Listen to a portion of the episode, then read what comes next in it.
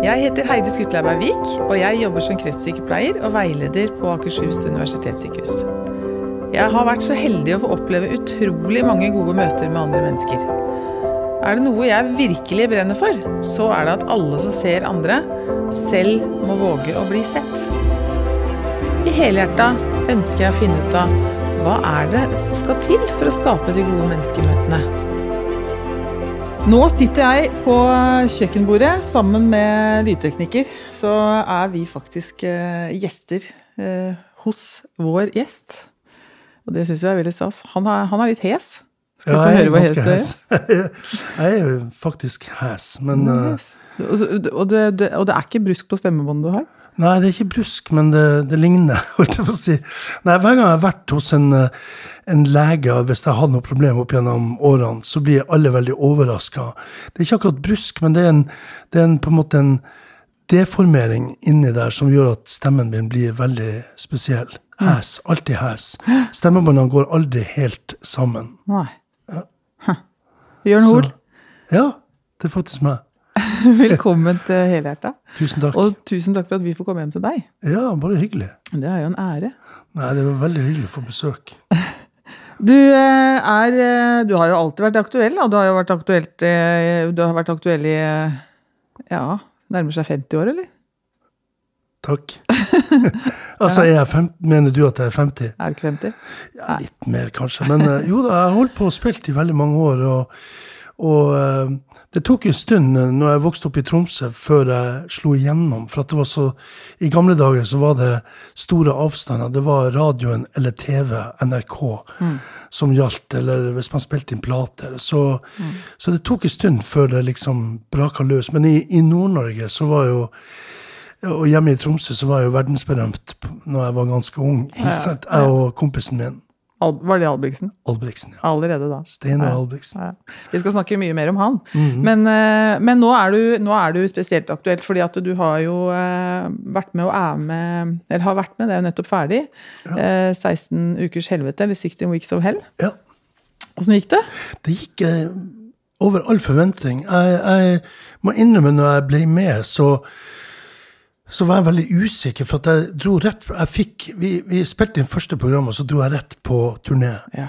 Og så skulle jeg følge alle disse treningsprogrammene og ernæringsprogrammene. Og det er, for å si det på nordnorsk, jævlig vanskelig når du er på turné. Det er nesten umulig, fordi at når du reiser rundt med bil og frakter deg rundt, og du kjører i mange timer, så har du liksom ikke foten Du har ikke tid til å begynne å trene. Nei. og så er det så vanskelig å finne eh, alle de rette måltidene hvis man ikke kan lage det sjøl. Så noen plasser så fikk jeg låne kjøkkenet på hotell.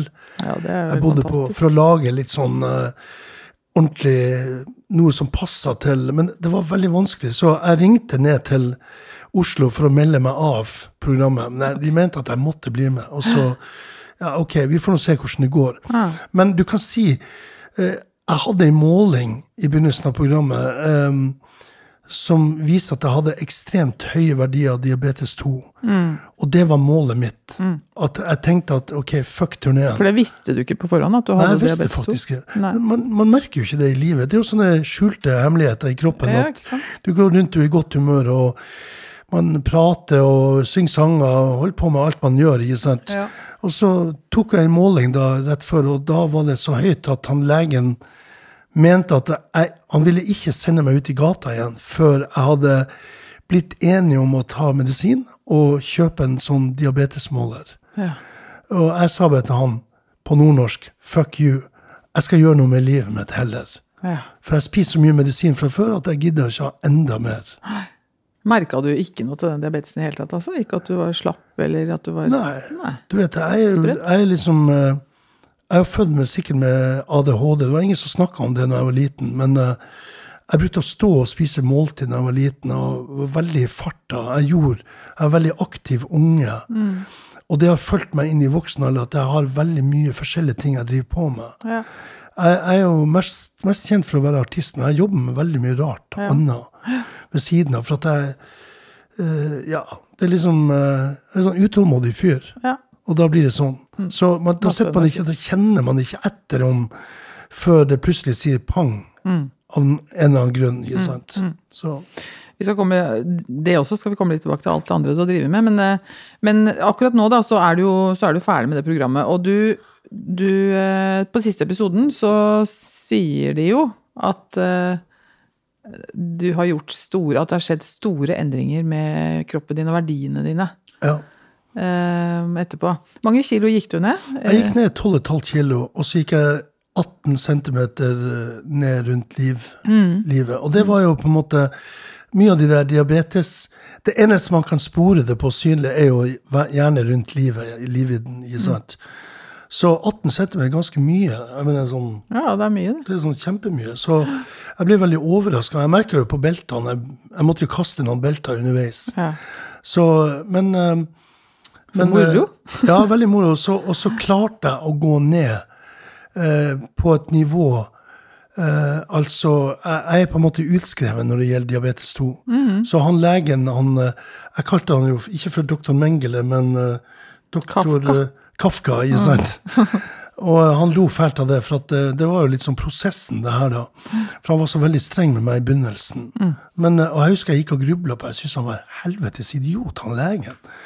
Jeg sånn, mente at jeg hadde dårlige gener. Faen, for en dust. Jeg kan ikke si sånn. Du er jo helseperson, du må jo oppmuntre meg. Men han, han mente det at det, han, han, leste meg sikkert riktig, at jeg ble litt sånn mm, annoyed. Ja, ja. Så, så, det var litt sånn inspirasjon til å gjøre noe med det. Og så I siste programmet så, så sier han at um, det å komme ned på femtallet uten å altså Han kunne ikke skjønne Ja, på blodsukkeret. Mm, mm. uh, og da er du liksom utskreven, ja. og da er alt ok. Og, og, det er jo det som gjør at det er viktig for meg å, å prøve å gjøre dette resten av livet. Mm. For jeg har ikke lyst å på en måte gå rundt som en tikkende bombe. og vente på et hjerneslag eller noe annet Nei. som man kan mm. oppleve. Og det er jo akkurat det som er litt sånn spennende, som vi, som, eh, som vi eh, har veldig lyst til å snakke med deg om. Det er jo akkurat dette her med livsstilsendring. Da, for du må jo mm. gjøre noen endringer for å, for å få studd en diabetes 2 i løpet Absolutt. av 16 uker. Så da, da, har du gjort noen endringer. Ja, de sier jo det at 16 uker, eller fire måneder, er det som gir deg en ny vane i livet. Da kan du krysse av at du har fått en ny vane. Ja. Så, så Er det så enkelt? Nei. Det er ikke det. Det, det er ekstremt tungt. Og det, det er ja. liksom eh, Jeg har alltid tenkt sånn der eh, Det er vanskelig å forandre en gammel hund. Mm. Sånn, men jeg mener at det går an. Det er liksom Det er det kappløpet med viljen. Mm. At du må jobbe med viljen. Og så tror jeg at veldig mange, når de setter i gang f.eks. sånn nyttårsforsetter og sånne ting, så tror jeg folk har en tendens til å liksom gape over for mye. Sånn som den kjent, sånn som man gjør i livet, vi mm. mennesker. Mm. Så hvis man, hvis man, prøver å tenke Jeg, jeg merka det at um, i det der 16 Weeks of Hell så tenkte jeg at det her er vanskelig for meg. Jeg, jeg klarer ikke det pga. turné. Vanskelig å kombinere når man er ute og spiller, bla, bla, bla. alt det her. Og så kjente jeg hele tida på den der Jeg er veldig glad i å lage mat. Mm. Jeg liker å nyte ting. Jeg har aldri tenkt over at Ups, det der er for mye fett i det, eller for mye smør. Og jeg drikker for mye vin, og bla, bla, bla. Så mm. det er et eller annet med å liksom prøve, prøve, å lage seg i ruta uh, som man kan gjennomføre. Og, og det, det, viktigste grepet jeg satt, var at jeg spiser uh, innenfor ei ramme som kalles for 16-8. Mm -hmm. At jeg, jeg, begynner å spise klokka tolv hver dag. Ja. Og så slutter jeg å spise klokka åtte det igjen er også et superproblem for meg. fordi ja, når, når jeg er ute og reiser og spiller, så bor du på hotell, og så ja. får du gratis mat klokka ni om morgenen frem til klokka ti. Mm. Uh, men da kan jeg spise, men jeg kan jo selvfølgelig gå og lage meg litt mat så jeg har til klokka tolv. Men så er det, når man spiller konserter, så spiller man gjerne i åttetida. Og da kan man ikke spise. Da må du enten spise tre timer før, ja. For å, så ikke stå der og gulpe og ja, Når du skal synge. stå og fjerte på scenen når du spiller. Det er ikke så kult. Men uh, Så det, det, er liksom vanskelige grep. Men, men uh, det, alt det der kan jo man kan, man kan egentlig regulere det. Jeg, jeg, jeg er jo også sånn at jeg følger også et veldig strengt sånn regime på på helsekost. Nå, nå er det liksom, vet jeg at jeg banner i kirka og snakker med sånn sykehusfolk om helsekost og alle disse tingene. Nei, det er viktig. Man må jo se hva man har av verdier, da. Ja, det er akkurat det. Så, men jeg gjør det. Og, og det er er kanskje det viktigste temaet mitt hver morgen. Jeg spiser en del medisiner hver dag, og så spiser jeg disse tingene som har Altså, før 16 uker i helvete-programmet, så begynte jeg å spise disse produktene. Og jeg var sånn super, jeg bare ledd av sånne helsekostfanatikere hele livet mitt. Jeg tenkte at det var sånne fotformfolk som eh, sånn sekt, nærmest. Og bare ha, ha, ha. Og når jeg ble introdusert til, så var det ti ganger ha, ha, ha. Du lurer ikke meg, jeg er ikke interessert i sånt. Men så spiste jeg disse tre produktene, og etter ti måneder tok jeg en test hos en, en, et, en, en hjertespesialist i Oslo. Og jeg sa det samme til han, at jeg kommer pga. disse produktene. Så jeg vil se om det har skjedd noe. Og han hadde også sånn ha, ha, ha. Dette kan du glemme. Og så tok vi testen, og så fikk jeg personlig brev fra han hvor han ba om unnskyldning, at han hadde ledd av meg. For at jeg kunne faktisk uh, kutte ut halve blodtrykksmedisinen min. Oi. Og i den tida der det var covid-19, jeg hadde bare sittet hjemme. Jeg hadde trimma null. Jeg satt sittet og sett på, jeg var verdensmester i Netflix, for jeg kunne så mye Serier. Alle spurte meg hva skal jeg se på nå, og alt. Jeg hadde full oversikt.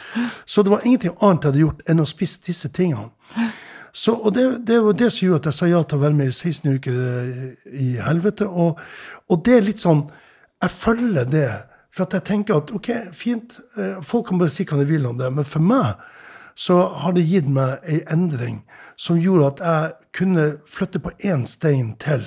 Ja. Og det var å begynne å spise litt sunnere. sunnere. Og så gjøre det der 16-8 Ja. eh? Og det, det er på en måte små grep, men det gjør at kroppen får hvile. Jeg kjenner at jeg, Når jeg sitter og prater med henne nå, klokka er ca. halv elleve, så kjenner jeg at jeg begynner å glede meg nå til å spise i tolvtida. Ja. For at det er liksom mm, du, du blir sulten. Det, det er en fin ting. Ja, så bra. Så den livsstilsendringen som, som eh, du har gjort nå, det er å gjøre 16-8, og, så er og så trimmer du mer, eller har du greid å holde på det? Ja, jeg, jeg, det var jo ganske heftig krav. eh, Ja, det, det er Regime der regimet å springe på helsestudier. Jeg hater jo ja. Eh, Men jeg er veldig glad å gå tur. Og gå, eh, altså, jeg har jo alltid gått. Jeg har jo skrevet alle låtene mine når jeg har gått tur i marka. Oh, ja. Hele livet. Alle låtene er laga på tur. Yes. Til og med låsen din Tango, Ja. 'Drinking Tequila from a Senorita Shoe', lagde jeg i fylla på vei hjem til et hotell som lå på andre sida av byen i Stockholm. Det er jo stygt å si det, men, men uh, sant er sant. Sant? Mm. Så, men uh, jeg har alltid gått tur i marka og laga låter. Da blir liksom tankene klare og lystige og alt det her. Men uh, Uh, jeg liker å gå tur, men å gå tur er ikke det samme som å trene når du går. Så da må du gå så Mm. Det er forskjell fort i på en å gå og time. powerwalk, liksom. Ja, du må gå så fort at du blir svett. Ja. Helst øh, altså, ordentlig svett. Og jeg må innrømme det, når programmet begynte, og jeg begynte å gå sånn kjempefort, så var det nesten sånn Shit, jeg må lære meg å gå igjen. Ja. Fordi at det har ikke jeg gjort før på den måten. Men du får jo ingen skader, så nesten alle kan gjennomføre det. Og så har jeg en romaskin i kjelleren som jeg har fått av Olav Tufte. Ja. Eh, og det var hans romaskin, så jeg er veldig sånn stolt. Jeg må ro ned med andakt. Sant? Mhm. Men å ro på en romaskin er veldig fin trening. Og, og så har jeg fått noen strikk av Martin Jonsrud Sundby, Ja, som han viste meg noen øvelser. Veldig, Ja. veldig bra. Da kan jeg stå på hotellrom rundt omkring, eller hvor som helst, og øve med disse strikkene. Men Så for- den siste episoden som var, eh, eller nest siste episoden, da, var da lærer du noen mageøvelser. Det var ja. Er det effektivt? Har du gjort, har du gjort dem? Eh, ja, nå uh, Jeg har prøv- prøvd å gjøre dem noen gang, men det er jo der Det er kanskje det jeg må trene mest med. Mm. Men du må legge ned noen planer. Hvis man blir helt sånn fanatisk, så er det et eller annet annet som går til helvete. Ja. Så jeg tror det er lurt å være sånn Tenke jeg, jeg tenker sånn ti år fremover nå. Mm. At jeg skal drive på med dette i ti år først. Ja. Og så håper jeg at jeg lever i ti år til. Og, og da kan jeg liksom eh, flytte ambisjonene mine. Så, Men det jeg må si når det gjelder ernæringa, det er det at eh, veldig mange tror at vi ikke spiste karbohydrater. Men vi spiser karbohydrater i dette programmet. Ja. Eh, Men ikke så mye som man Vi er jo vokst opp med poteter og sånt i Norge, og vi spiser veldig mye av det. Så eh, hvis man klarer å være på sånn 200 gram protein, og kanskje gå ned til 180 og kanskje til 150 eh, etter hvert som man forandrer magemålet, så, så, eh, så er det en fin ting. Men å spise mye grønt, eh, det er det jeg har fått kjærlighet til. Ja. Å spise salat. Um, første gang jeg var hos en eh, fransk kokk på slutten av 80-tallet, på kurs i Frankrike, kokkekurs, da, var det, da lærte jeg veldig mye om uh, dressinger. Og har alltid laga det. og og alle syns det har vært stas å få salat servert hos meg. Men, men eh, jeg tenker at det er lurt å, å begynne å spise ting sånn som det er. At du får en kjærlighet til en, en spesifikk grønnsak. Ja, så du har greid å slutte helt med dressinger? Eh, nei, jeg lager dressinger, og innimellom så er det kult.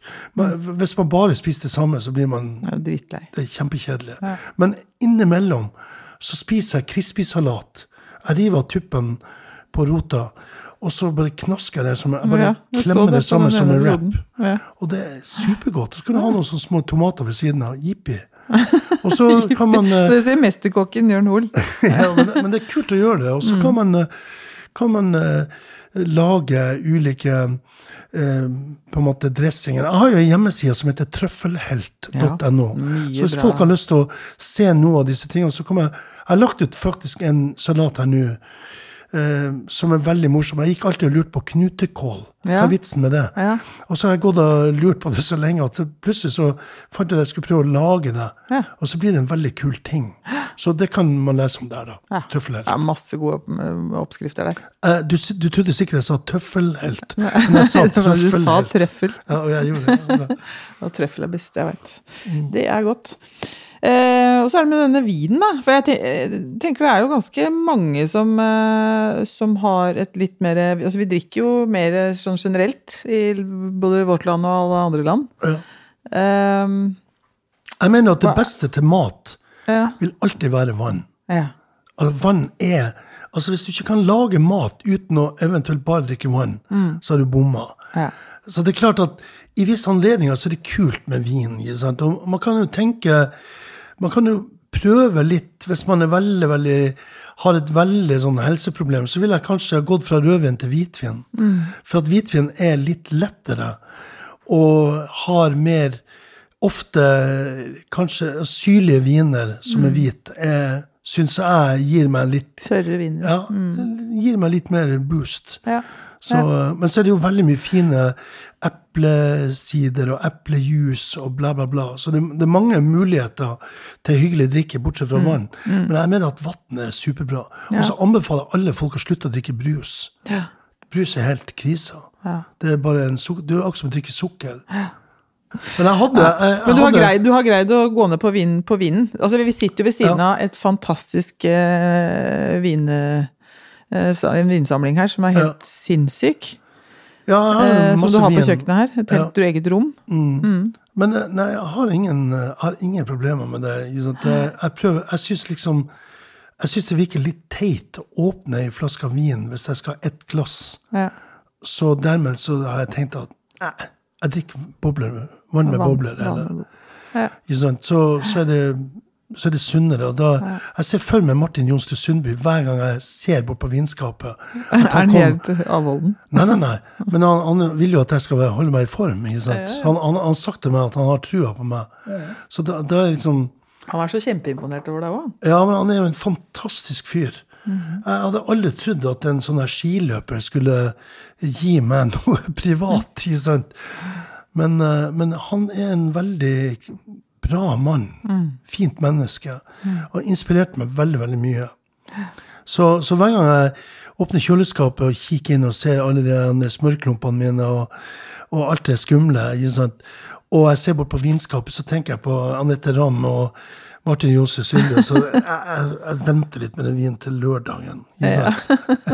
Ja, men så bra. Så du, har, du kjenner at det har gjort endringer den, de, de endringene du har liksom starta, de har du greid å holde på ganske kraftig, da? Ja, det vil si, jeg, jeg merker det, jeg må innrømme det at når jula kom, så la jeg på meg eh, fire og et halvt kilo gjennom jula. Og det, du kan si, eh, var litt eh, Jeg, jeg, må, jeg veide meg to uker etter jul og bare fikk sjokk at jeg hadde lagt på meg så mye. Men jeg skjønte det jo egentlig. Men eh, norsk julemat, tradisjonsmat, er ekstremt fetende Mm. hvis man følger tradisjonene helt.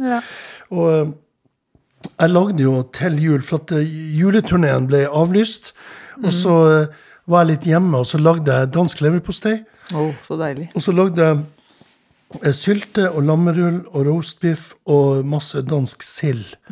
Og en del sånne, det er sånne andre sånne sylta eh, agurker og rødløk og bla, bla, bla. Og alle disse tingene. Og, og det, når jeg var ferdig med programmet, så dro jeg rett hjem og lagde meg seks rugbrød brødskiver med disse ulike produktene for å teste hvordan de var. Og da bare kjente jeg at dette går til helvete. og så hadde jeg planlagt hele jula med, med pinnekjøtt på julaften. Og første dag med ribbe, bla, bla, bla. Du, du vet jo at det går til helvete. Men det er greit nok. Bare, hvis, man, hvis man følger Hvis man klarer å styre seg inn igjen, så, så går det bra. Så det har vært verdt å være med på det programmet, da. Ja, jeg, jeg vil si det. Det var, det var givende. Det var, det var jævlig irriterende en del ganger. Det skal jeg innrømme. Jeg bantes for meg sjøl. Og jeg er fra Nord-Norge, så jeg har mange sånne ord i, i boka mi. Men, eh, Ja. men eh, fader òg, det, det er kult. Og det er jo litt sånn Skremselen var jo eh, Altså, jeg har jo hatt hjerteinfarkt for 17-18 år siden? Men, og det var ikke noen sånn hyggelig opplevelse. Men skremselen var den der diabetesreisa. At jeg tenkte at jeg er nødt til å gjøre noe med det. Sant? Så sakte, men sikkert så holder jeg på å jobbe med det. Jeg tenker at det er innmari viktig, alle de tingene du sier nå, om hvorfor det var viktig for deg å være med på det programmet. Da. For det har jo vært litt avisskriverier og litt diskusjoner i media om, eh, om at det ikke er bra å ha fokus på et sånt type program. Da. Eh, har veldig og så handler det jo ikke bare om å gå ned i vekt, dette her, det handler om å få, å få en god helse. Ja, altså, jeg har veldig respekt for det. mennesker med spiseforstyrrelser. Ikke sant? Mm, Eh, og har hatt folk rundt meg som har slitt ekstremt mye Ja. med det. Og de har prøvd veldig, veldig mye, og det er veldig vanskelig. Ikke sant? Mm. Så jeg har veldig respekt for det. Men eh, jeg leste jo ikke akkurat de, alle de skriveriene eh, som ble skrevet om det, men jeg fikk det jo med meg. At det var veldig mye reaksjoner på det. Men, men for min del eh, det handler om å redde livet mitt. Det var Ja. kun det som sto i panna mi. Bang. Jeg er nødt til å gjøre noe med livet mitt. Så når, når når jeg fikk vite at jeg kunne Hvis jeg gikk ut døra, ut døra fra, med de høye verdiene på diabetes 2, ja. at jeg kunne få et eh, hjerneslag eller eh, kanskje nytt hjerteinfarkt, bla, bla, bla. Alle disse tingene som kan oppstå med denne håper å si, vi kan kalle det livsstilssykdommen, så, så, eh, så var det veldig motivering for å gjøre noe med det. Og hver gang jeg tenkte uff, nei, faen, det regner som det, det er drittvær ute. Jeg var oppe i Nord-Norge på turné. Det er jo alltid nesten dårlig vær. Eller, unnskyld. Ikke alltid, men mange ganger. Mye. Mye. I sånn tøff vær. Og da, da får du litt sånn Shit, skal jeg gidde å gå ut her nå? Men, men hva er alternativet, tenkte jeg. liksom. Så jævlig pinlig å komme hjem og være med i et TV-program og ikke klare å oppnå det ene målet. ikke sant? Og så er det superkjipt for egen vinning å sitte og lyge for seg sjøl. Det går ikke. Det er første Du fortalte, jo, du fortalte meg jo tidligere at du har, du, noen ganger så gikk du jo tre ganger om dagen. Ja, jeg gjorde det. Powerwalk tre ganger Ja, om dagen. Ja. Jeg var i Hellas sant, på, på høstferie. Og da, da var det jo fint vær og veldig vakkert, og så utrolig god gresk mat. Med, de, grekerne er helt enormt gode med grønnsaker. og gjerne sånne grønnsaker som vi Aubergine. Det, det er nesten ingen nordmenn som vet hva det er for noe. Ikke sant? Uh, og vi vet jo nesten ikke hva vi skal gjøre med det. Vi gjør sånne dumme ting. Men grekerne er helt rå på det der. Så, så jeg har jo sånn jeg, jeg, jeg fant meg jo et sånt sted hvor jeg gikk Med en gang jeg liksom kom inn for klokkeslettet, så gikk jeg og spiste sånne greske eh, sånne aubergine De har sånne ulike sånne pureer de lager. Ja. jeg bare oh, ja. elsker det med hvitløk og sånne ting. Å, Jesus Christ, det er det verdens Så det er beste. rene produkter, liksom? Rene produkter. Og, eh, men så gikk jeg tur. Så vi endte opp Vi var jo Vi bodde hos eh, eh, svigerbroren min og kona og ungene hans. Så, så vi var alltid igjen for mye i bilen. Så da sa jeg bare alltid igjen, slapp av, jeg går. Ja. Så jeg gikk hele tida. Det var liksom Forrest Gump. Ja. Jeg gikk hele, rundt hele Aten. Og det var veldig kult. Så, og, og jeg hadde jo en unik opplevelse pga. regimet mitt. Sånn. Jeg tror ikke det kom i TV-programmet, men jeg fortalte det på en video. Men jeg, var, gikk, jeg gikk jo Jeg ble så ivrig etter hvert, for å tenkte shit, jeg, jeg, shit ja. Jeg, jeg kan gå tur om morgenen, ikke sant. For jeg, tenkte jeg, jeg må gå rett før jeg skal spise, så kan jeg spise etterpå. Ja. Men så våkner jeg tidlig om morgenen. Jeg er jo en voksen gubbe. ikke sant? Og så liksom klokka ni om morgenen. Deilig å gå da. Så jeg heiv meg i shortsen og banka av gårde. Og så ene dagen jeg gikk, så kjente jeg at jeg hadde gått liksom et par kilometer, så kjente jeg å dæven, nå vil jeg på do. Og så tenkte jeg jeg ikke med munnbind, og grekerne var veldig opptatt av munnbind. Du kunne ikke gå inn noe steder uten munnbind. Og så jeg så meg rundt et noe sånn utetoalett, så ett jeg tenkte shit, hvis jeg går inn der, så får jeg, får jeg garantert covid-19 pluss mye mer. ikke sant? Så jeg, så satt jeg ja, vel, jeg kunne kanskje gå tilbake til jeg hadde vært, eh, Vi hadde vært noen dager og gått på et sånn badested Ja. hvor det kosta fem euro å komme inn, og så var det veldig sånn Fint. ok standard, og, og sånne rom du kunne skifte på, bla, bla, bla. Så jeg, jeg, jeg, prøver, jeg hadde fem euro i lomma, så jeg tenkte jeg klarer akkurat kanskje jeg prøver, Så jeg, jeg gikk der og prøvde å holde meg, liksom, og, kjente, og det, det kneip bare bråka i magen. Det var ordentlig rabalder. Og så kommer jeg og betaler fem euro og går inn, og går inn på det der på det rommet mitt. Som, eller jeg gikk på toalettet der og liksom låste døra. Yes, jeg klarte det! Og akkurat da jeg sa det, så dreit jeg meg ut. Da sto jeg i en shorts, og eh, 64 år og dreit meg ut.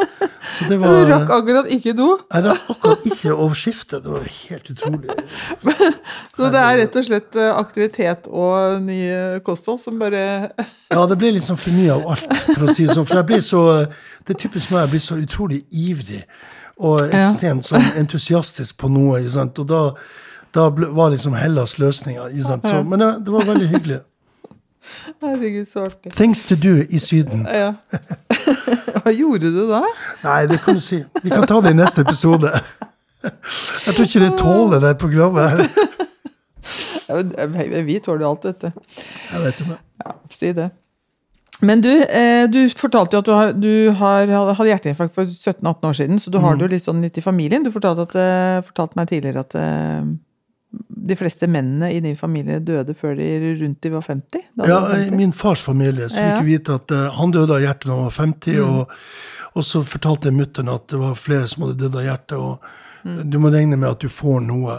Så jeg har alltid tenkt på det, for det var noe hun snakka om veldig mye. Og så eh, Jeg spilte jo inn Ei Hanna Holly til hjerte- og lungeaksjon på eh, innsamlingsaksjon på TV i 1986 eller 7 på NRK. Og, eh, og jeg har alltid sunget den sangen og spilt og bla, bla, bla. Så skulle jeg spille oppi, i, oppe eh, Bodø for eh, nå er det jo kanskje 18 år siden. Og jeg skulle synge to sanger. Den første sangen var i Hanna Holly. Jeg kom inn på scenen, og så kjente jeg at jeg fikk sånn pusteproblemer. Jeg kjente at jeg ble ekstremt tørr i halsen. Jeg Hvor, hvor gammel var du da? Nei, noen og 40. Og så Jeg prøver å regne ut så jeg ikke lyver. På alle. Ja, vel noen og Men, 20, da. Ja, jeg var vel Ja, noen og 1920 eller noe sånt. Nei, jeg var noen og 40 år. Og så, og så kjente jeg at jeg, jeg ble veldig uvel, og så stoppa jeg akkurat i introen på låten og ba om et glass vann. Fikk jeg det, og så drakk jeg det. Begynte å spille igjen. Kjente jeg jeg, må bare ha mer. Så fikk, det var en halvliter med vann jeg drakk to ganger. Så spilte jeg låten. Og så hadde jeg fått utlevert oppe på hotellet da kjærlighetssuiten av hun der søte damene jeg slekka inn på. 'Å, det er du, Jørn Hoel, du skal få kjærlighetssuiten'. Og jeg tenkte med meg sjøl at jeg skal faen ikke dø på den kjærlighetssuiten i Bodø.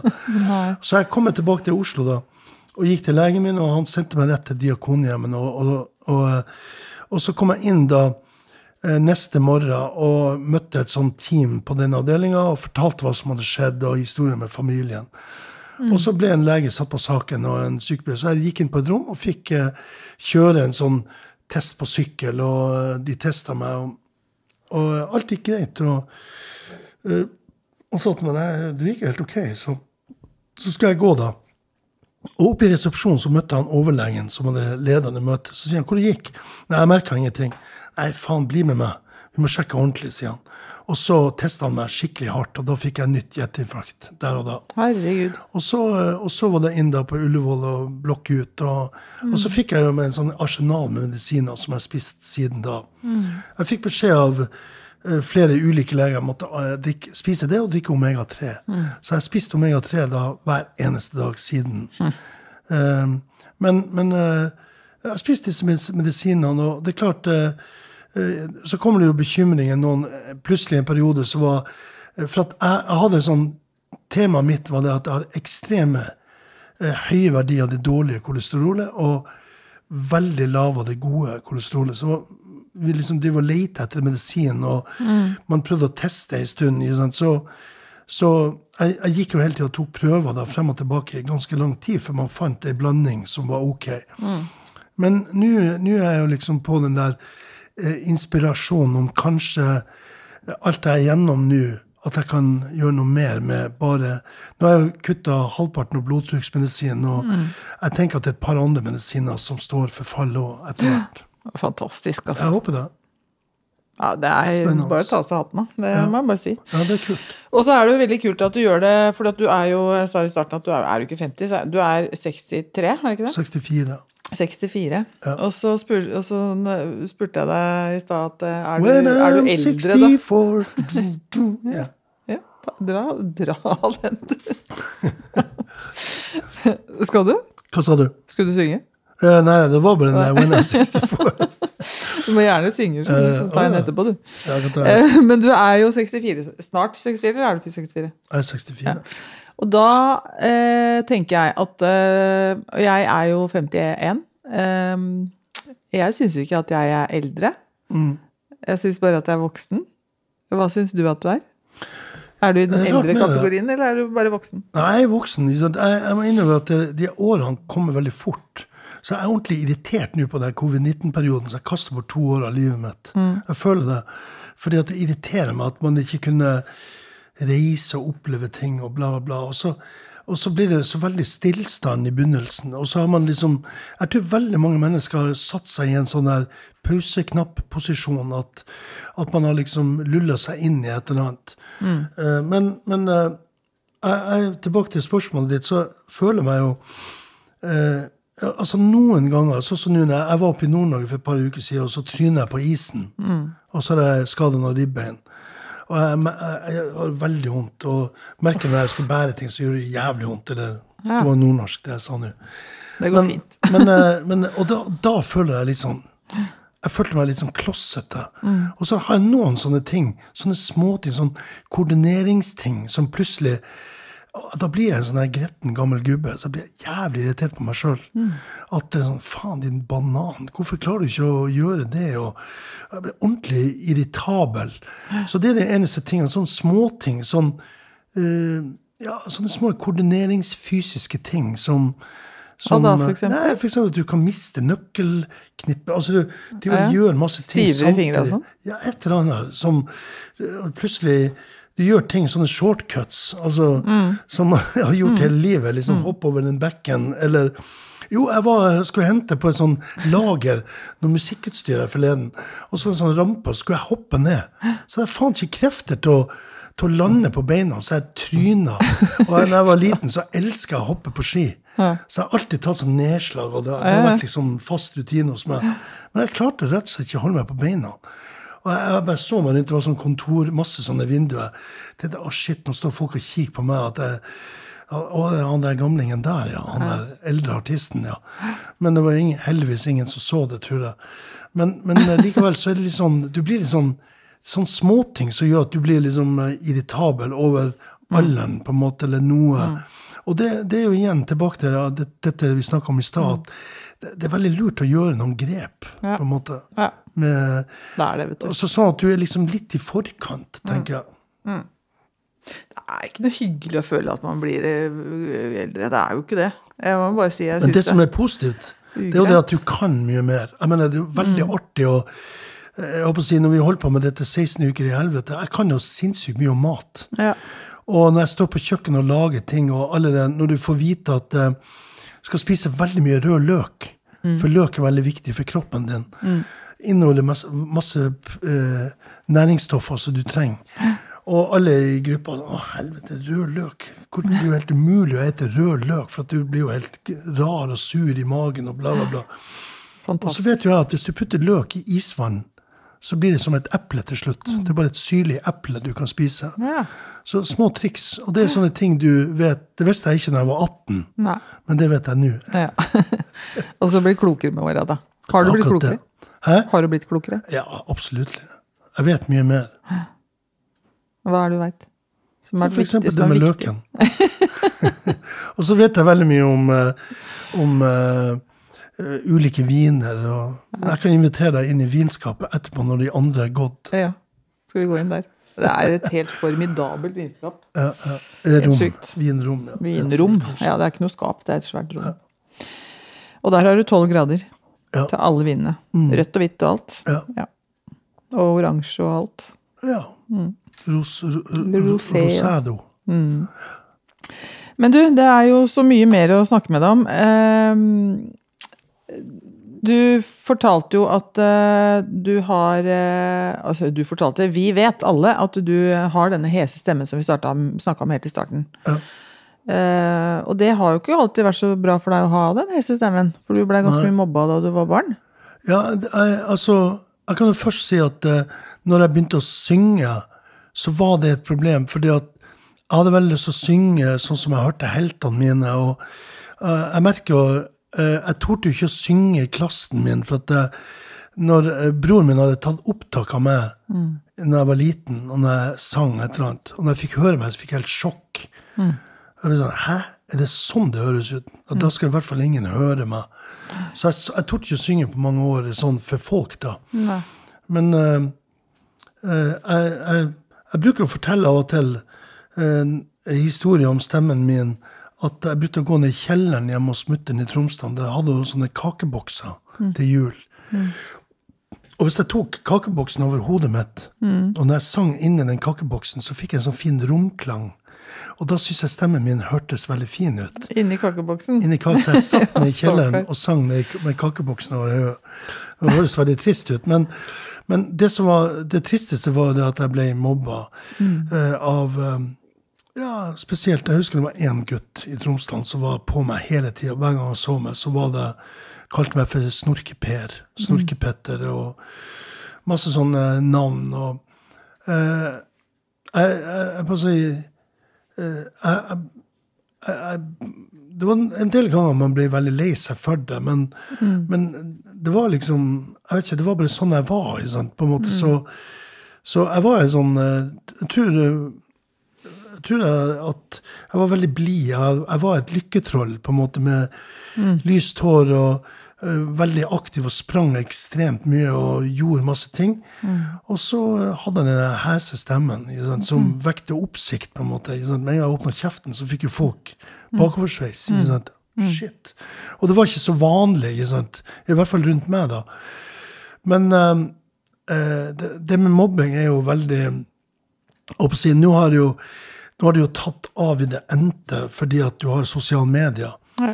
Eh, Nå er jeg en voksen kar og blitt kjent for denne stemmen, så det er jo ingen som mobber meg på den måten for det. da, men, men jeg tenker på sånn mobbing generelt. Så det er jo veldig mye mobbing rundt omkring av unge mennesker. Og, og det er veldig veldig mange som sliter med det. Og jeg jeg har satt og tenkt mye på eh, håper å si, eh, Jeg hadde jo ei datter som var født med en feil med øyet sitt. Og jeg husker um, hun ble, hun hadde blitt spurt i barnehagen, fortalte de som, som jobba der, at, at andre unger sa 'Hvorfor ser du sånn ut, da?' Og så begynte hun å bare si sånn jeg er bare født, født sånn, jeg'. Ja. Begynte hun å svare. Sånn. Så. Og da, når du er barn, Ja. og du svarer barn, så aksepterer barn det.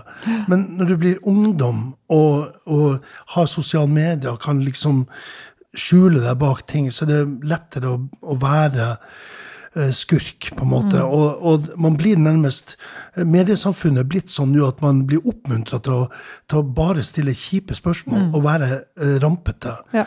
Så, så jeg tenker sånn at det største problemet med mobbing er det at foreldre, når de sender ungene sine ut i hverdagen, så vet de ikke hvordan ungene er når de er utenom huset sitt.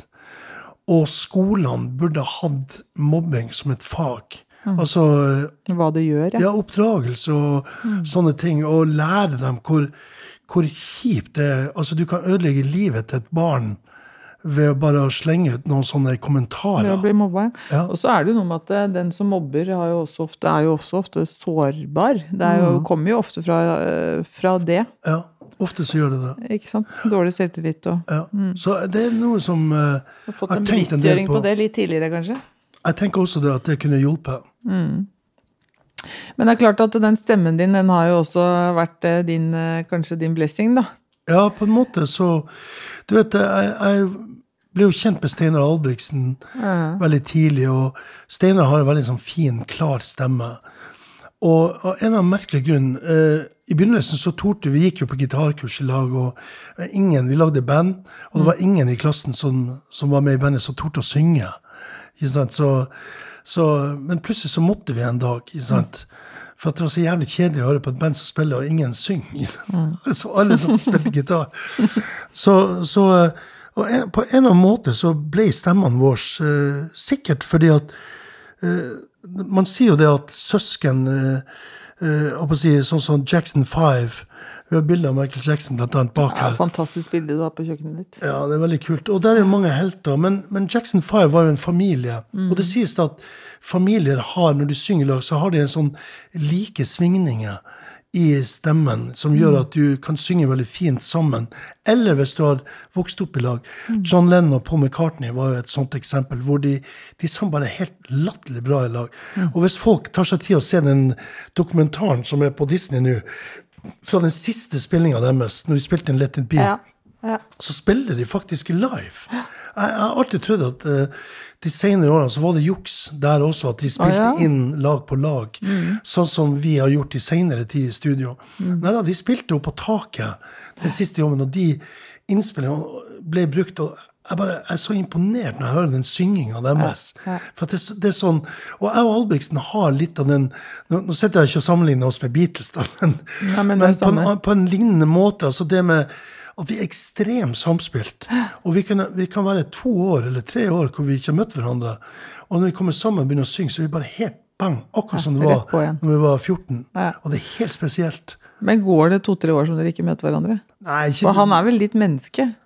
Så Ja, bortsett ja. fra kona di og barna dine, så er, Ja. han- litt han menneske. Ja, han er jo det. Han er jo han er på en måte grunnpilaren i livet mitt som Altså, vi møtte jo hverandre når vi var seks år på skøytebanen i Tromsdalen. Eh, og begynte i samme klasse når vi var syv år, og gikk i alle årene på skolen i lag. Så eh, alt vi har prata om i oppveksten, har vi prata med hverandre om. Og vi ble jo bestekompiser fordi at vi likte de samme bandene. Det er akkurat som mange forteller at de blir bestekompiser for at de heier på samme fotballaget.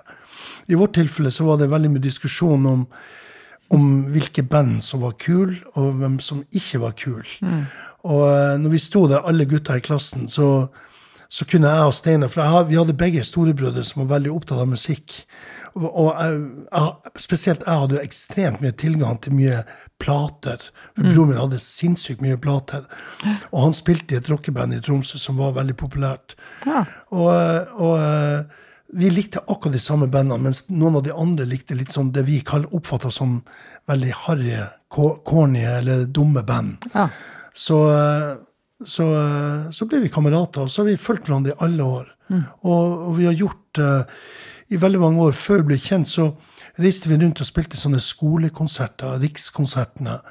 Og det var jo det som egentlig frakta oss inn i musikkbransjen. At vi spilte skolekonserter og klarte å få Altså, vi, vi klarte å få så mye oppstyr på de skolene vi kom, at unger rømte fra timene sine for å få De stakk av fra, fra klassene sine for å få autografen. Og vi sto i timevis og skrev autografer Og da var dere tenåringer? Da var vi liksom tenåringer. og, og Så moro. ja, veldig, veldig artig. sant? Så det var liksom, Jeg husker jeg skrev navnet mitt. Signaturen min var veldig sånn nøye. Jeg husker, Det, det er en av de tingene du øver på når du er liten. Når du begynner å nærme deg sånn til 14-15 år, skal du liksom ha en signatur. Ja, ja. Tilfelle du blir kjendis. Ja, jeg hadde liksom veldig nøye Du skulle skrive under på eh, ulike sånne, eh, sånne ID som man hadde. Postbeviset og bla, bla, bla. Og så, eh, når jeg kom på skolen og skulle skrive autografen, så gikk jo ikke det lenger. For det sto jo 100 unger der, så da blir det bare sånn skruseduller. Ja. Så jeg bare forandra det der og da. Så det var veldig morsomt. Men eh, ja, og så ble, du, så ble dere kjent. Altså, dere har jo liksom vokst opp sammen. eh, Vært ungdommer sammen. Hatt deres første forelskelse sammen. Dere hatt eh, første Albrigtsen, på, påstår at uh, han brukte oppveksten til å, sitte, til å liksom levere lapper fra alle kvinnfolk som var forelska i meg, sier han. Ja, han var bare et Jeg tipper det var motsatt vei òg. Ja, altså dere har liksom vært med på alle disse viktige tingene i livet, da. Ja. Eh, og giftermål og barn og skilsmisser og på'n igjen og alt som Ja. er. ikke sant? Ja, mye opp og ned. Og så er det én ting som dere var med på sammen, og det var jo når dere slo igjennom. Eller Mm. når um, Ei Hanne og Holly, var det Eller var det den derre. Eh, ukul- Inkole- Inkuloleko? Ja. Inkololeko betyr betyr Det var Grand frihet. Prix-sang.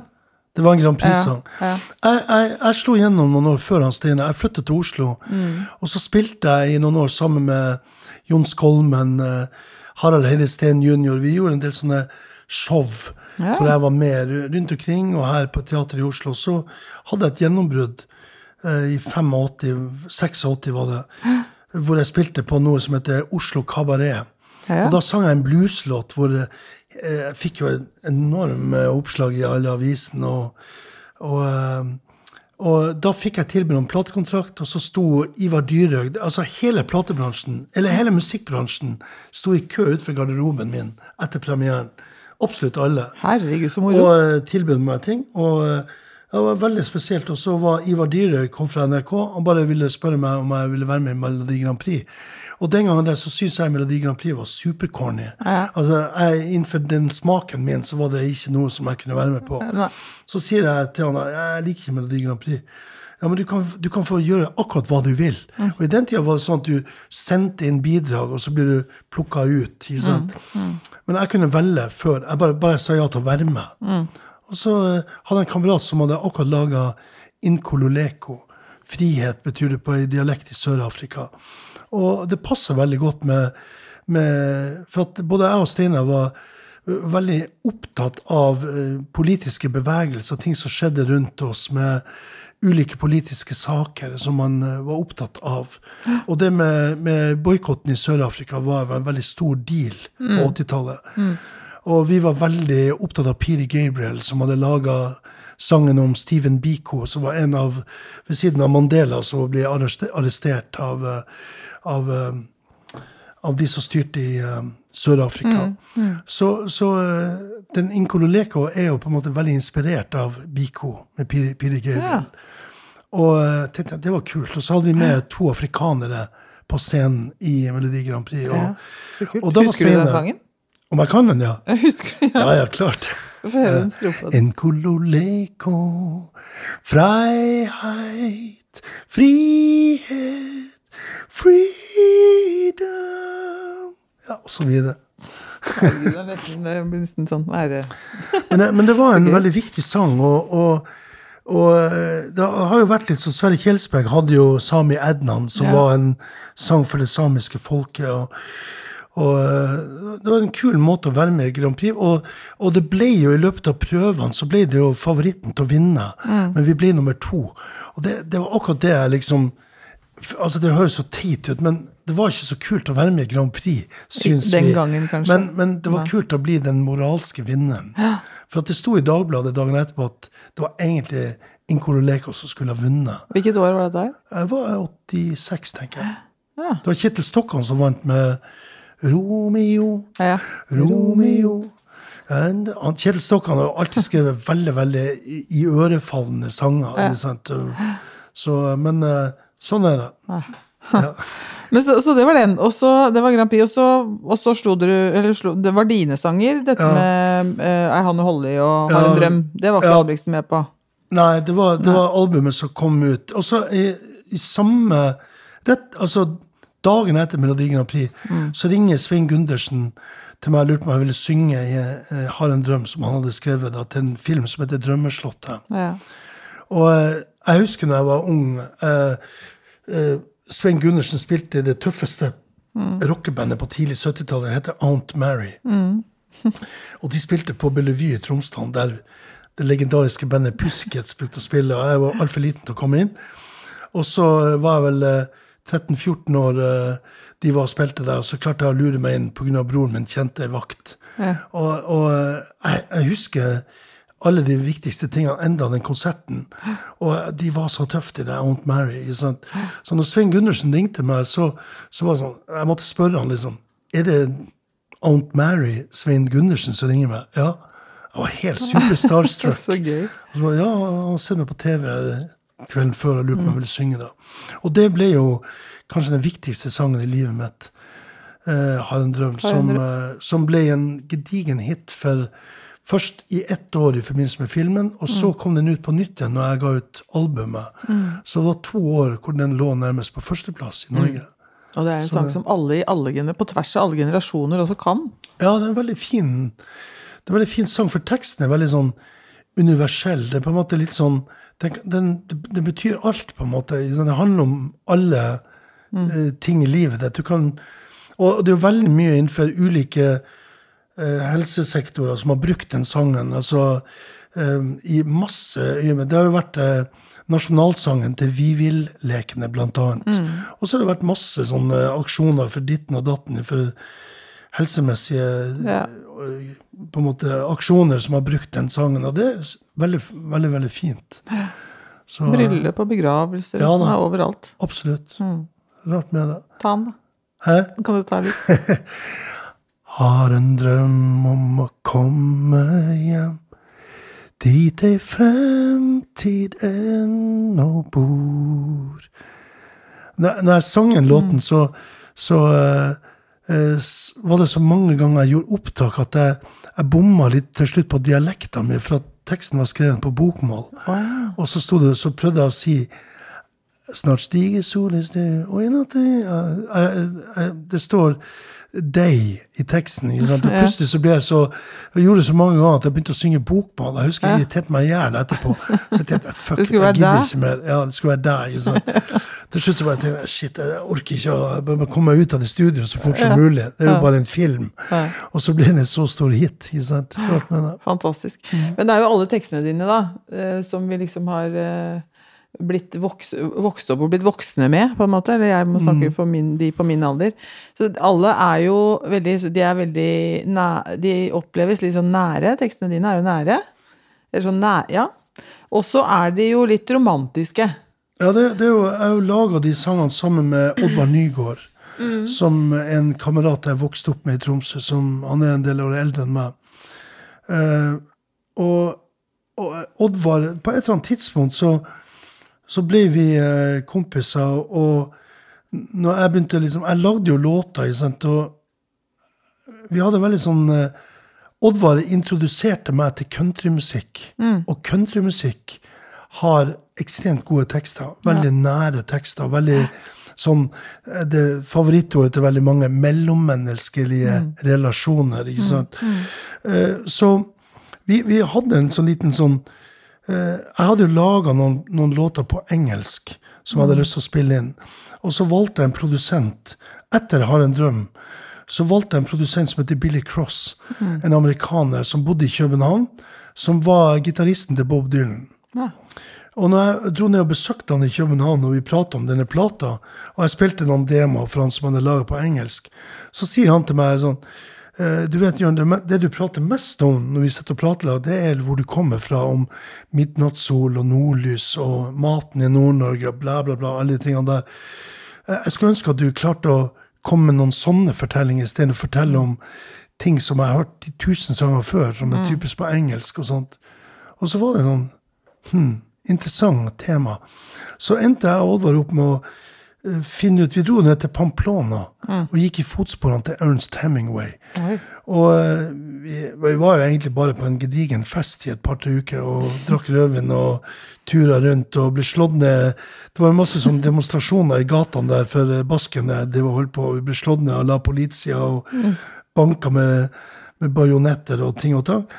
Men plutselig vi skulle reise hjem, så sier jeg til Oddvar Vi, vi prata veldig mye om hva dette kunne inneholde, men vi gjorde ingenting. Men vi, temaet vårt var at vi hadde lyst til å, å på en måte synge om fysisk kjærlighet på norsk. Og det var ingen som hadde gjort før. For hvorfor kan ikke man si eksempel 'Rock me, baby, rock me all night long', og 'Make love to me with a slow hand', og mye sånne tematiske ting som jeg hadde egentlig sunget om i veldig mange 'Got my mojo working', 'Mojo work just for me', sant? og så videre. ikke sant? Um, og, og, det er jo litt sånn Hva er en mojo? Sant? Mojo kan være, Det kunne være en dukke i voodoo ikke sant, så stikker nåler men, okay. men det kunne være også pikken din eller ballene oh, ja. dine. Det er masse slang som brukes i, i uh, sørstatsmusikk blant svarte Yes. sangere Ja. sant, fra gammelt av. Uh, og og det, det der hadde, det er umulig å synge pikken din på norsk. Så hva kunne vi gjøre da? Så endte vi opp med å lage 'Elsk meg sakte'. Ja. Ikke sant? Og den 'Elsk i sneen' og 'Gråt når det er over'. Alle disse sangene som er veldig sånn nær, men har et slags sånn fysisk eh, budskap. Ja. Så, så det er klart at det, det jo veldig oppsikt, på en måte. og og eh, Men hvordan, men altså, når du skal, for du har jo vært bæreren til disse skaperen og bæreren til disse sangene og de tekstene. ja, Og så hadde du samtidig øh, øh, Så fikk du pris øh, Var det på 80- eller begynnelsen av 90-tallet? Så fikk du pris som øh, mest sexy mann. mm, Eh, og så du, og så hadde du samtidig de, eh, de tekstene her, da. ja. Uh, hvordan var det å bære alt dette her? Var det, altså kan man jo si Altså ja, Det var sikkert en kjempefordel, men jeg vil tro at det var ikke, var ikke bare det. ja, alle kompisene mine syntes var veldig misunnelige på den tittelen. Ja, det vil jeg tro. at de er sånn Shit, du er heldig, din jævel. Liksom. Men, men jeg må innrømme at uh, en stund etterpå, når liksom uh, de tingene begynte å legge seg, så ble det en irritasjonsmoment. For at eh, før jeg slo gjennom, så reiste jeg rundt og spilte med Albrigtsen og uten Albrigtsen, og, og uh, spilte mye sånn uh, jeg, jeg husker det var veldig mye gutter som kom og hørte på. Jeg hadde liksom en barsk stemme, en tøff stemme, og det var ikke så mange som sang blues i den tida. Og, og uh, hver gang vi banka løs med, med et eller annet med stemmen Jeg husker jeg var på 70-tallet, så begynte jeg å gjøre mye sånn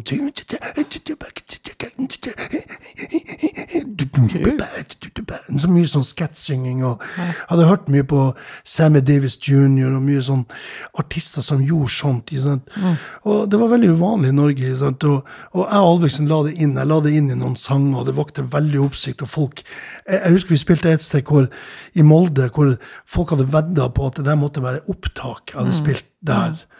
Og så måtte jeg gå etter jobben. Så, så gikk jeg opp på scenen, slo på P-en, og så begynte jeg å gjøre det en gang til. Sånn de, og så kunne de stå ved siden av meg og høre det. De, for de trodde ikke det kunne være sånn. Men, men eh, når jeg slo gjennom som eh, Når jeg fikk den tittelen der, sant, og ble introdusert som Norges mest sexy mann, så ble det sånn ordentlig sånn irritasjonsmoment. Og folk Du vet hvordan det er. Vi, vi, vi, vi mennesker er jo veldig sånn lett å sette merkelapper på mennesker og, og lage menneskene om til sånne kjipe Ja, vesener. janteloven. Ja, janteloven. ikke sant? Jenter som er med i missekonkurranser, er sånne Ja. teite damer. ikke sant? Og, og gutter som får uh, tittel 'Norges mest sexy menn', er sånne dumme typer. Ja. Og det er sånn urettferdig. ikke sant? Stigmatiserende. Ja, veldig. Så, så jeg, jeg husker jeg på et tidspunkt begynte å kjenne at det her er ikke noe kult. Jeg har ikke lyst til å gjøre det her lenger. Og da hadde jeg lyst, da dro jeg til New York i 89, og så spilte jeg inn i bluesplater uten at plateselskapet visste om det. Bare for min egen del. For det var jo egentlig det jeg hadde gjort veldig mye på 70-tallet.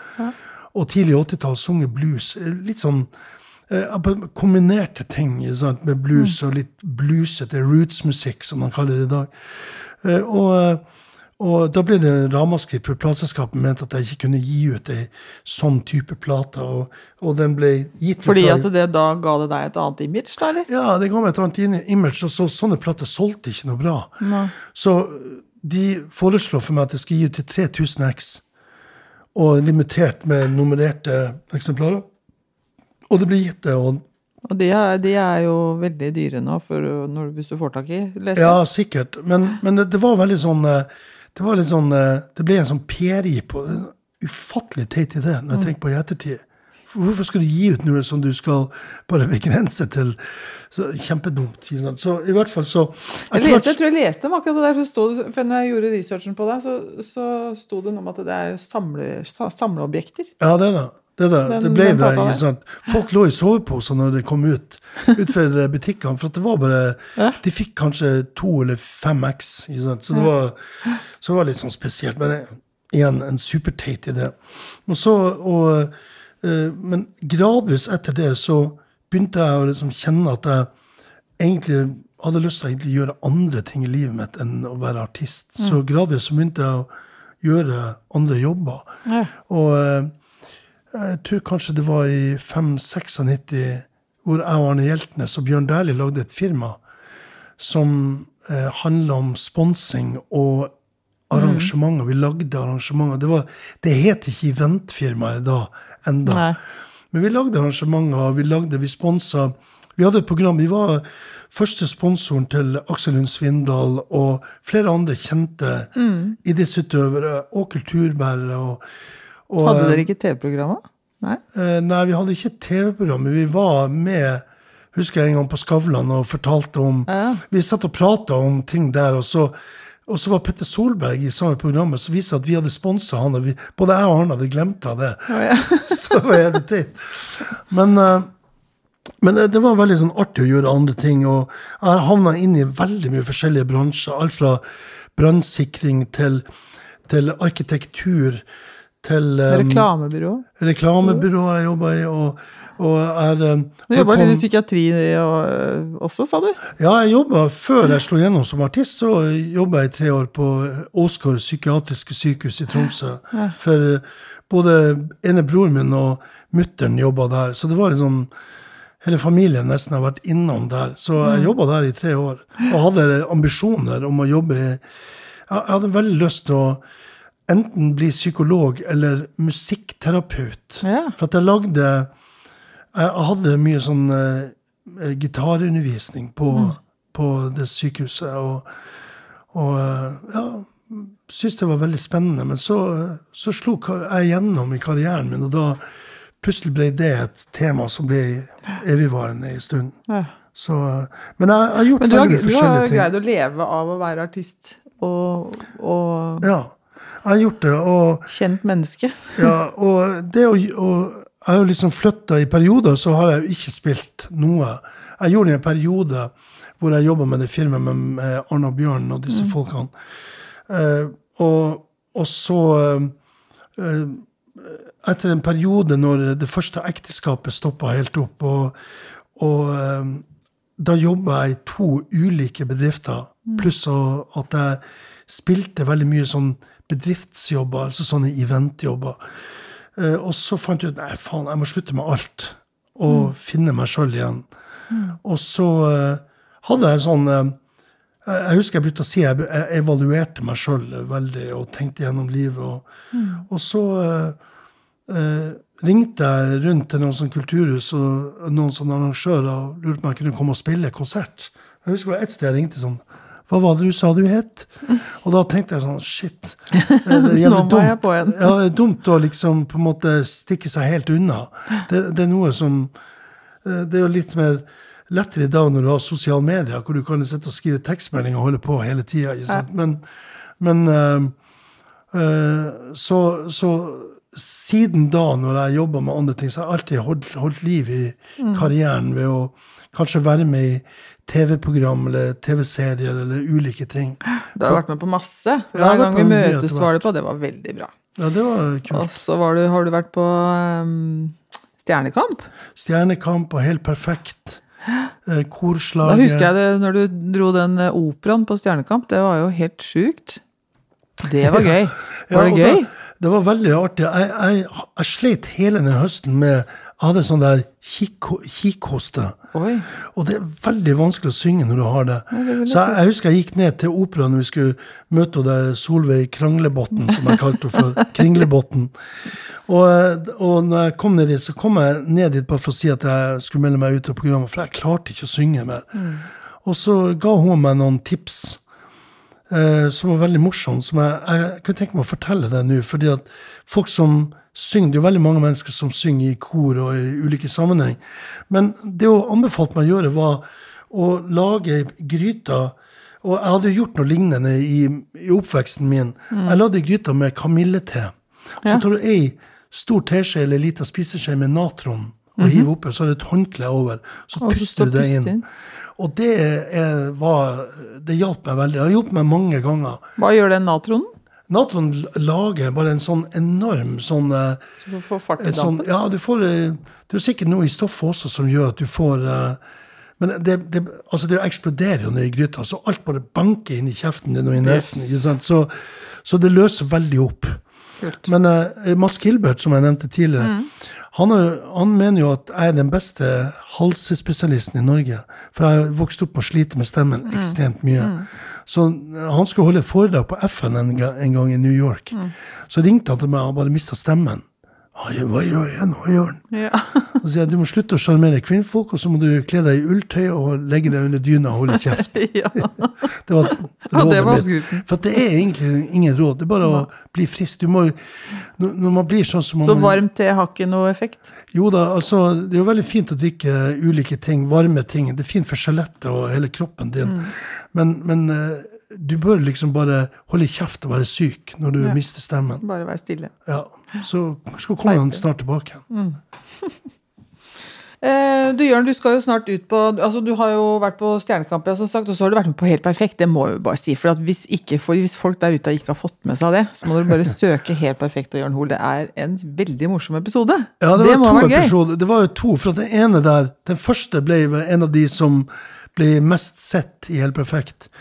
Og så lagde de en ny en. Ja. Men eh, det var ikke akkurat like bra som den første, da, men den første var veldig kul. ja, veldig morsomt. Det var litt sånn eh, Thomas Giertsen skal Han finner ut at han skal fri til, til eh, Ida. Ina. Og så eh. Ine. Ine heter hun. Ine. Ja, og så Ja, det er en morsom ting. Må ses. Ja. ja, den må ses, faktisk. Her er gjør du litt narr av Har en drøm. Det er bare en drittlåt. Ja, ja, det var veldig bra. Ja, det var veldig improvisert. Vi satt rundt kjøkkenbordet dagen etterpå og skulle eller på slutta i programmet skulle liksom, hun skulle fortelle meg du Jørn Hoel, den sangen har betydd sinnssykt mye for meg. Og jeg bare liksom Ok, helt uinteressert. Så, så innmari arrogant. Ja, fantastisk. sånn er det. Ja, det må dere se. Um, I denne podkasten her, eh, Jørn, så, Mm. så er vi jo opptatt av menneskemøter. Ja. Og så er vi jo Du har jo hatt mange, mange, mange tusen uh, møter med mange mennesker som er fans, og du har, og du har levd et helt liv. Mm. Uh, privat også. Uh, men hvis, du- hvis du skulle trekke fram et spesielt menneskemøte eh, som, har, som har veldig stor betydning for deg nå Eh, Det, det, jeg må nesten trekke frem Steinar Albrigtsen, fordi at vi har liksom fulgt hverandre som håper jeg, Det er et uttrykk vi vokste opp med skjorta og ræva. Og det er liksom et eller annet med Vi ble kjent med hverandre veldig tidlig, og vi hadde en veldig sånn trygg oppvekst i Tromsdalen. Det var liksom et veldig fint miljø. Eh, veldig lite jålete. Eh, ingen av oss hadde noe rikdom i materielle rikdom, men vi hadde, det var en veldig fin oppvekst. Veldig fint miljø i klassen vår, så vi holdt veldig sammen. Og, og så når vi begynte å spille i lag, så, og vi plutselig ved en feiltagelse begynte å synge tostemt, eh, så var det et eller annet Stemmene våre er jo totalings forskjellige. Så hver for oss er det sånn Hæ? Kan de få det til å funke? da? Men det er et eller annet magisk, sånn som jeg nevnte i begynnelsen, med typen svingninger. Altså, jeg tror det har å gjøre med at vi har hengt så mye sammen. Vi er blitt familie, på en måte. Og da synger man veldig sånn likt. Så, så jeg, jeg, Det er veldig sånn rart å si det, men når vi står på scenen i lag og synger, så merker jeg hvis han har en dårlig dag. Og da er det akkurat som jeg stepper opp litt. Og hvis det er motsatt, så gjør han det. Og det er en sånn uforklarlig det, det er ingenting som vi planlegger, det bare skjer. ikke? Så Så nydelig. ja, det er helt eksepsjonelt. Og gjennom et langt liv som artist så Vi spilte i lag i fjor. eh, To dager i Trondheim og en dag i Stavanger. og eh, I Stavanger, Vi spilte i Stavanger, det, det teatret i Stavanger. Og eh, etter første låt så fikk vi trampeklapp. Og, og det var første gang vi hadde opplevd det. ikke sant? Men vi er så samspilt at det, folk merker det. sant? Vi står der bare helt naken med to gitarer og ingenting å skjule der bak. Og så kult når folk merker det. For at det er et eller annet unikt ved det, hvor du klarer å synge ting sånn at uh, Dere finner nerven der Ja, er. Ja, veldig. Men så har vi jo alle de, disse samtalene. Vi har, vi har reist, vi har sittet altså, sinnssykt mange timer i lag i en bil, eller i en buss, eller på et fly. Og sittet og snakka om ja, alt som har skjedd i livene våre, eh, etter hvert som vi opplevde ting. Og, og det er rart med det da at du, du, du får litt sånn Når det har skjedd eh, spesielle ting i livet mitt, så har jo Steinar vært den første jeg ringte til og fortalte ting. sant, og For å få feedback. sant, eh, For dere, dere kan være helt ærlige med hverandre. Helt ærlig. sant, Dønn ærlig. Og veldig sånn eh, Altså, jeg, jeg Noen år etter jeg skilte meg etter det første ekteskapet mitt, så, så eh, kom det som en overraskelse på meg at jeg hadde en sønn som jeg ikke visste om. Som plutselig ble Han var åtte år, og så fikk jeg beskjed om at jeg hadde en sønn. Eh, og da var det Albrigtsen jeg ringte til først, og til min mor, og til uh, en advokat. Selvfølgelig. ja, selvfølgelig. For å finne ut shit, det her går jo ikke an. ikke Ja, sant? ja. uh, men det viser at eh, Ja, det var jo selvfølgelig sjokkerende uh, opplevelse. sant? Og så fikk jeg bilder av han, og jeg viste det bildet til Albrigtsen, og Albrigtsen fikk latterkrampe for at han så ut som meg når jeg var Nei. på den alderen. Så, det var, så sier bare han at det her klarer du ikke å snakke deg unna, Jørn. Han er bare du. Så det, det var Har du fått møte han, eller? ja, ja, ja, vi har et kjempefint forhold. Og, og alle å si, ekser og barn eh, fra de ulike ekteskapene mine, alle elsker denne gutten, for han er en fin Han har så veldig fint vesen. Så koselig. Så, så, godt å eh, høre. Ja, så det var en lykkelig Men det, det var en lykkelig på en måte ting som skjedde i livet. Men, men uh, Albrigtsen var den første jeg fortalte det til. Ja. Og det er litt sånn jeg vet, jeg vet ikke egentlig, Han kunne ikke gjøre noe med det. Han kunne ikke hjelpe meg. jeg håper å si, Eller hvis det er noe spesielt som skjer i livet. Men det, det, det, du vet, du går tilbake til liksom røttene på noen ting. og det er veldig flaks å ha noen sånne holdepunkter i livet. Og jeg tror det er lurt for et menneske å ha noen ting som du som ikke jatter med deg for å jatte med deg. Altså du, du kan også diskutere og få motbør. Ikke sant? Så vi har egentlig aldri krangla, jeg og Steinar. Men vi har diskutert, har vi gjort masse Ja. ganger. Ja. Og det er to forskjellige ting. Sant?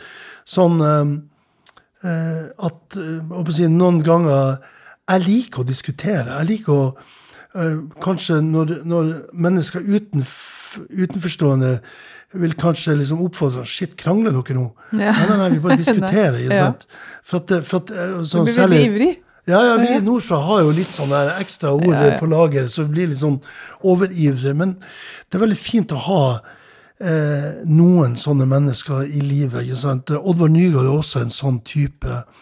Eh, Mats Gilbert er en veldig nær venn. Og, og jeg har mange sånne holdepunkter i livet som jeg alltid kan ringe til hvis jeg trenger støtte. Så deilig. men Steinar Albrigtsen vil alltid være litt sånn Ja. Du vet, vi, vi satt jo vi Han er din røkte- bauta. Ja, men min bauta. Vi, sånn, vi røkte, vi prøvde å røyke i lag. Vi prøvde å Vi gjorde innbrudd. For at vi hadde sett så mange spillefilmer. Vi tenkte vi måtte prøve det. Ja. Så jævlig teit, ikke sant? Fikk du det til? Men- Ja, vi fikk det til, men det var ingen som oppdaga det. Det er så, så dumt. Vi ble liksom ikke kjent for det, men kanskje like så greit. Men vi har gjort veldig mye sånne, sånne røverstreker, og, og, og det er liksom eh, si, vi, sånn, vi kan bare si til hverandre ei setning, så er vi liksom bang, tilbake til 1975 eller et eller annet. Så gøy. Det er jo Det er kult, det. Og du skal eh, om eh, noen minutter så skal du reise for å hente den. Og dere Ja. skal ha konsert to dager på rad nå. Ja. Det blir bra. ja, det blir hyggelig. Eh, vi har jo et annet spørsmål også her som alle skal snakke skal si litt om, og det er, det er hvis du skulle ha gitt uh, Jørn, 18 år, et lite tips med på veien. Gitt deg selv tilbake til da du var 18 år. Drit i det innbruddet, det kan du kanskje sagt. Men hva annet, hva annet Hva hadde du hatt behov for å få vite, tror du?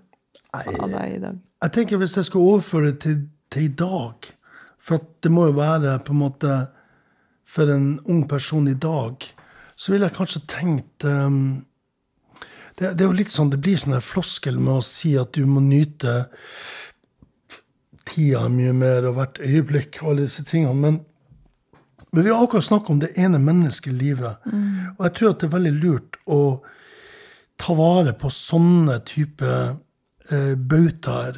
Sånne personer og mennesker og holdepunkter i livet som du opplever.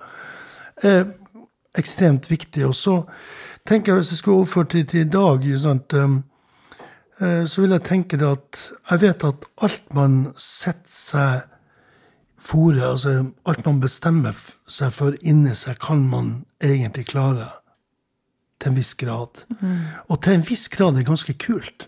For at det, uh, det er helt umulig å bli Alle kan ikke bli den der Alle kan ikke vinne gull på mm. den tremila. Eller eller oppnå bla, bla, bla. Men du kan oppnå til en viss grad en veldig stor ting for deg sjøl, og, og, det er veldig, veldig bra. Mm. Så, så, hvis man uh, er god med seg sjøl og, og, gjør ting som man uh, oppfatter at man kan gjøre noe med i seg sjøl, og har lyst til å gjøre noe med, så er det mitt viktigste ting. At jeg skulle ønske at jeg hadde tenkt annerledes for mange år siden. Ja. Det var bra. Hadde du blitt kjendis en gang til hvis du kunne velge? Eh, hvis det hadde vært eh, med de kokkekunnskapene jeg kan, eh, som jeg fikk etter hvert, så jeg er jeg helt sikkert blitt kanskje kokk, tror jeg. Mm. For at jeg, jeg, er ekstremt glad i å lage mat, og ble det etter hvert. På 80-tallet begynte jeg å lage veldig mye mat, fordi det var så dårlig mat når man reiste rundt omkring og spilte. Ja, ja. Så, et, men jeg, jeg, vet ikke helt. Altså, jeg har en del liksom, Det dumme var det at jeg, jeg drev og malte og tegna bilder da jeg var yngre. Jeg drev med skuespill og teater. Uh, I den tida når vi reiste rundt på Rikskonsertene, så skrev jeg veldig mye sånn forestilling for barn, og også ungdom. Det var det som holdt livet oss i, i veldig mange år. Jeg fikk et tilbud når, når Dyreparken i Kristiansand lå i krig med han Sabeltann ja. på et tidspunkt, på slutten av 80-tallet, så fikk jeg tilbud om å komme med et av stykkene mine. fordi at det hadde vært et sånn banebrytende populært stykke på Rikskonsertene. Vi spilte faktisk 800 forestillinger med det stykket. Yes. Hva heter det? Det heter 'Nøkkel de la Sørensen'. Det handler om en person som uh, hadde en magisk nøkkel, så du kunne låse det inn i alle sammenheng. Altså, Nei mer sånn Ikke akkurat noen sånn, sånn uh, materielle ting, men mer sånn mm. de, de, skumle Kult. tingene. Ja. Men, uh, men, uh, men, jeg takka nei den gangen, for at jeg hadde jo fått jeg var en av de jeg vet ikke om jeg var den første, eller en av de første som fikk Juliusprisen. Ja. Og da møtte jeg Terje Formoe. Han var jo sånn aktivitetsleder i Dyreparken. Han var en veldig hyggelig fyr. Ja. Så jeg tenkte det var litt utidig å begynne å liksom ja, Konkurrere mot han? Ja, jeg, jeg, kunne liksom ikke Selv om uh, han hadde forlangt mer penger da, ikke sant? men han så jo hvor det bar. ikke sant? Så han hadde jo helt rett. Så, men uh, jeg hadde ikke lyst til å blande meg inn i det. Men, uh, men, jeg lagde mye sånne forestillinger da. Så jeg skulle ønske jeg hadde tatt litt mer vare på det og billedkunst. At jeg drev og malte og tegna. Mm. For at det er noe jeg kunne tenkt meg gjort mer. Mm. Hm. Spennende. Du, eh, vi må gå inn for landing her. Jeg må bare si det at eh, fra det øyeblikket jeg tok uh, kontakt med deg, så har du vært så utrolig hyggelig og utrolig imøtekommende. og jeg og, du, og, og, så har jeg jo skjønt at du har et veldig, veldig høyt aktivitetsnivå.